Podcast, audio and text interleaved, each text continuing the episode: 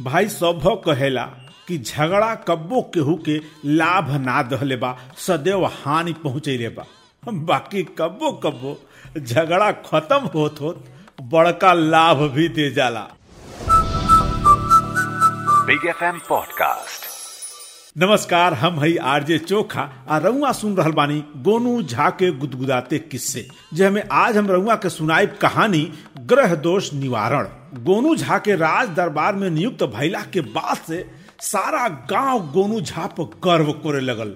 यही होकर वह शान से कहे, अरे गोनू झा, हमारे गाँव कहन, देखा दरबार में नियुक्त भइल बाणे अब पूरा गाँव मिलजुल के गोनू झा के बधाई भी दिले भाई, गाँव के नाम जे भी रोशन करी ओके तो सब बधाई देबे करी ने अब गोनू झा भी सोच रहे कि भाई, पूरा गाँव मिलजुल के हमरा के इतना निम्न का बधाई दे रहा बा, त काहे ने एगो भोज करावल जा, और अपने गाँव के साथ साथ आसपास के गाँव के लोग के भी यह भोज में शामिल कइल जा। काहे कि भाई, अब तो गोनू झा के पास कोनो रुपया धन के कमी तो रहल ना।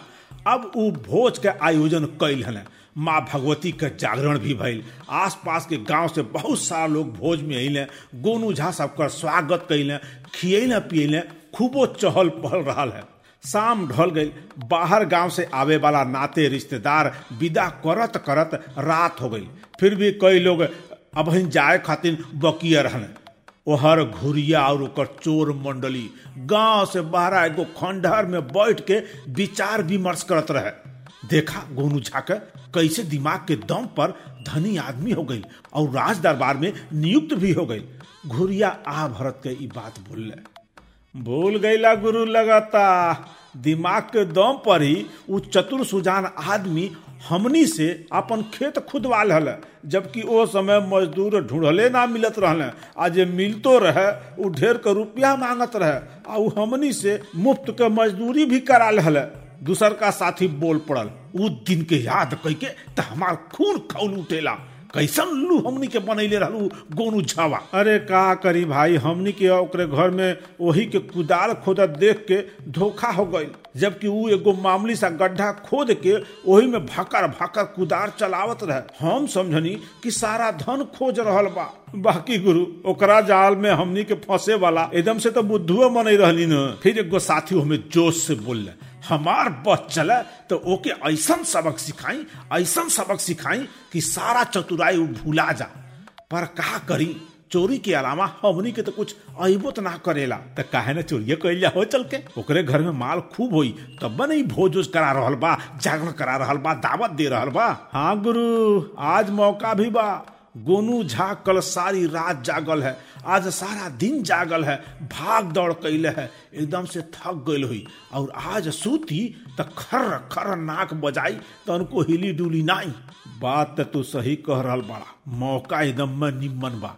नींद के मारे बेहाल दोनों पति पत्नी सुतल रही घोड़ा बेच के। आ हमनी के जरा सा सावधानी बरतब तो ओकरे घर के सगरो माल साफ़ कई देवे घुरिया, चतुर दिमाग से कहलस। त आवा गुरु, चले के, देखल जा हमनी के शिकार, सोवल बा कि ना सोवल बा।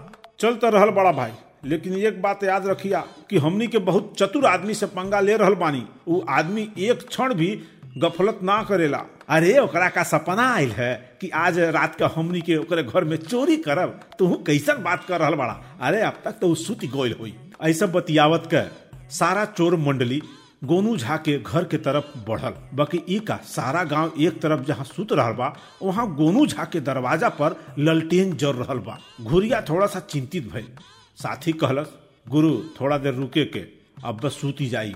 दूसर का साथी झड़ देना बोल पड़ल, त का यहाँ खड़ा होके ओकरा सुतला का इंतज़ार कइल जा? अब हमनी के केहू देख जाई, मामला बिगड़ जाई, हमनी के कूट के सब रख दी है त का करे के? अरे चला हो फुलवारी बा वही में छुप चले के। जब ये सब सुत जाई है, तब धीरे से गोड़ दबा के घर में घुस के चोरी क लिहल जाई। ओहर गोनू झा के घर से अबहिन बातचीत कैला के आवाज़ आवत रहल। अब आप भी आराम करी झाजी, हमनी के चल रहल बानी। रउआ दो दिन से थकल बानी, हमनी के का घर थोड़ा दूर पर बा, पहुंचब, सुती जाबे। अच्छा अब आज्ञा दी, चल रहल बानी। फिर गोनू झा आ एगो और आदमी घर से बाहर निकलने। ओ आदमी के घुरिया और ओकर साथी पहचानत रहने। उ पड़ोस के गाँव के मास्टर गणेश झा रहने। है गोनू झा का परम मित्र। गोनू झा कुछ दूर तक जाके अपने मित्र के विदा कैलें और घर के तरफ़ लौटलें। अचानक वो ठिठक गईलें उनका के फुलवारी में कोनो हलचल महसूस भई। फिर वो दरवाज़ा पर पहुंचल। सुनत तारू हो? सुत गलू का? तनी हेन्ने आवत? का जी काहे चिल्लात बाणी आधी रात के देखा आप सब चली गई। पंडित जी कहले रहले कि तोहरा घर में ग्रह दोष बा। आ वो ग्रह दोष के निवारण खातिर एक सौ आठ ढेला फेंके के पड़ी। कैसन ग्रह दोष? आ कैसन निवारण? का कह रहल बानी। अरे भाग्यवान, तू तो बड़ा जल्दी भुला जालू हो। दो दिन के थका के वजह से तू भुलक्कड़ हो गई बाड़ू। जल्दी करा। वाह जी, वाह, जल्दी करा। यह दो दिन से कमर सीधा कैले के मौका ना मिलल और रउआ के मज़ाक सूझ रहल बा। अरे मज़ाक नाही, हम सही कह रहल बानी कुछ दोष बा और दोष के खत्म करे खातिर एक सौ आठ गो ढेला फेंके के पड़ी। मिश्रा जी कहले रहना बुझलू न? जा, ढेला लेके आवा। थकल हारल उनकर पत्नी भुनभुनात के मिट्टी के ढेला लेवे चल गलीन। उहर से अपने पल्लू में ढेर के ढेला लेके अली आ गोनू झा के आगे भुनभुनात के गिरा धली। गोनू झा ढेला उठा उठा। झाड़ी में फेंके लगल आ फेंकत यह कहे, चाँद चांदनी चंद चकोर, बढ़ा हर ले माखन चोर। चाँद चांदनी चंद चकोर, बढ़ा हर ले माखन चोर। यह कहत के ढेला फेंकत है अब हर घुरिया और ओकर साथी चोर मंडली मुसीबत में रहल बेचारे बिना हिल्ले डुल्ले ढेला का शिकार बनत रहने अपना सिर के घुटना में दबा के पीठ पर सगरो ढेला रोकत रहल और ओकर मार सहत रहल। पंडिताइन खिसिया के कहली, अब बस भी करी, पचास गो बहुत होला। का पंडिताइन? पचास गुना एक सौ आठ गो ढेला फेंके बा। जा, जल्दी से लेके आवा अरे पंडित जी दया करी, हम एकदम से थक गई बाणी दू दिन से कहली न, कमर सीधा ना भइल बा। बड़ा ज़ोर के नींद आ रहल बा। अब सूती और सूते दी। गोनू झा झल्ला के बोलने हर घर में ग्रह दोष निवारण करेगा आ तोहरा के सूतल उकल बा जा, जाके जल्दी से ढेला लेके आवा नहीं तो बहुत बेकार हो जाए। देखिए पंडित जी, हम थक गए बानी, हम ढेली ढेला ले, वो के नहीं आए। नहीं लेके अबू अब हमार हाथ उठ जान लिया। गोनू झा बड़ गुस्सा में बोलने पंडिताइन भी बड़ गुस्सा में ही जवाब दिली। देखी, दिमाग खराब मत करी। रहुआ हाथ उठाई, पैर उठाई, चाहे डंडा उठाई।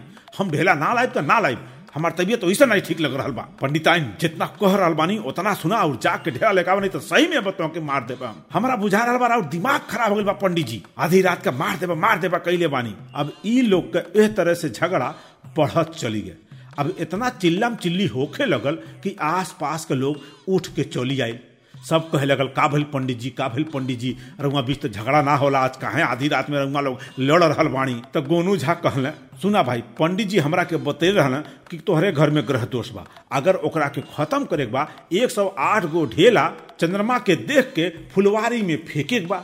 ई बेचारो अंदर से ढेला लेके आ रहल बानी। अब इन पचासो ढेला ना लेली, तौले थक गई कहतानी, हमरा बस का ना बा।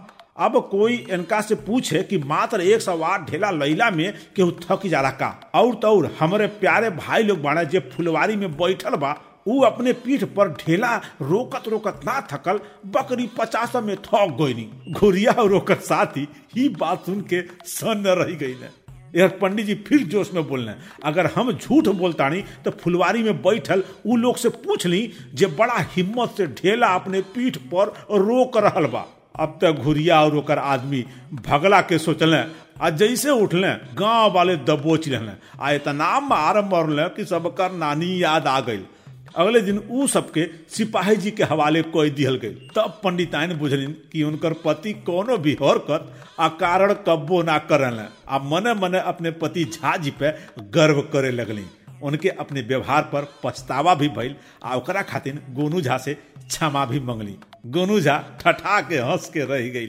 तो भाई, ई रहल आज के कहानी, ग्रह दोष निवारण। आरजे चोखा के मुँह से फिर मिल जाई। एगो नया कहानी के साथ, जोने में थोड़ा हँसी हुई, थोड़ा गुदगुदी हुई, थोड़ा सा ज्ञान भी ओकरा से मिली। तो अब दी आज्ञा निमन निमन बढ़िया बढ़िया कहानी खातिर सुनत रही चोखा का पॉडकास्ट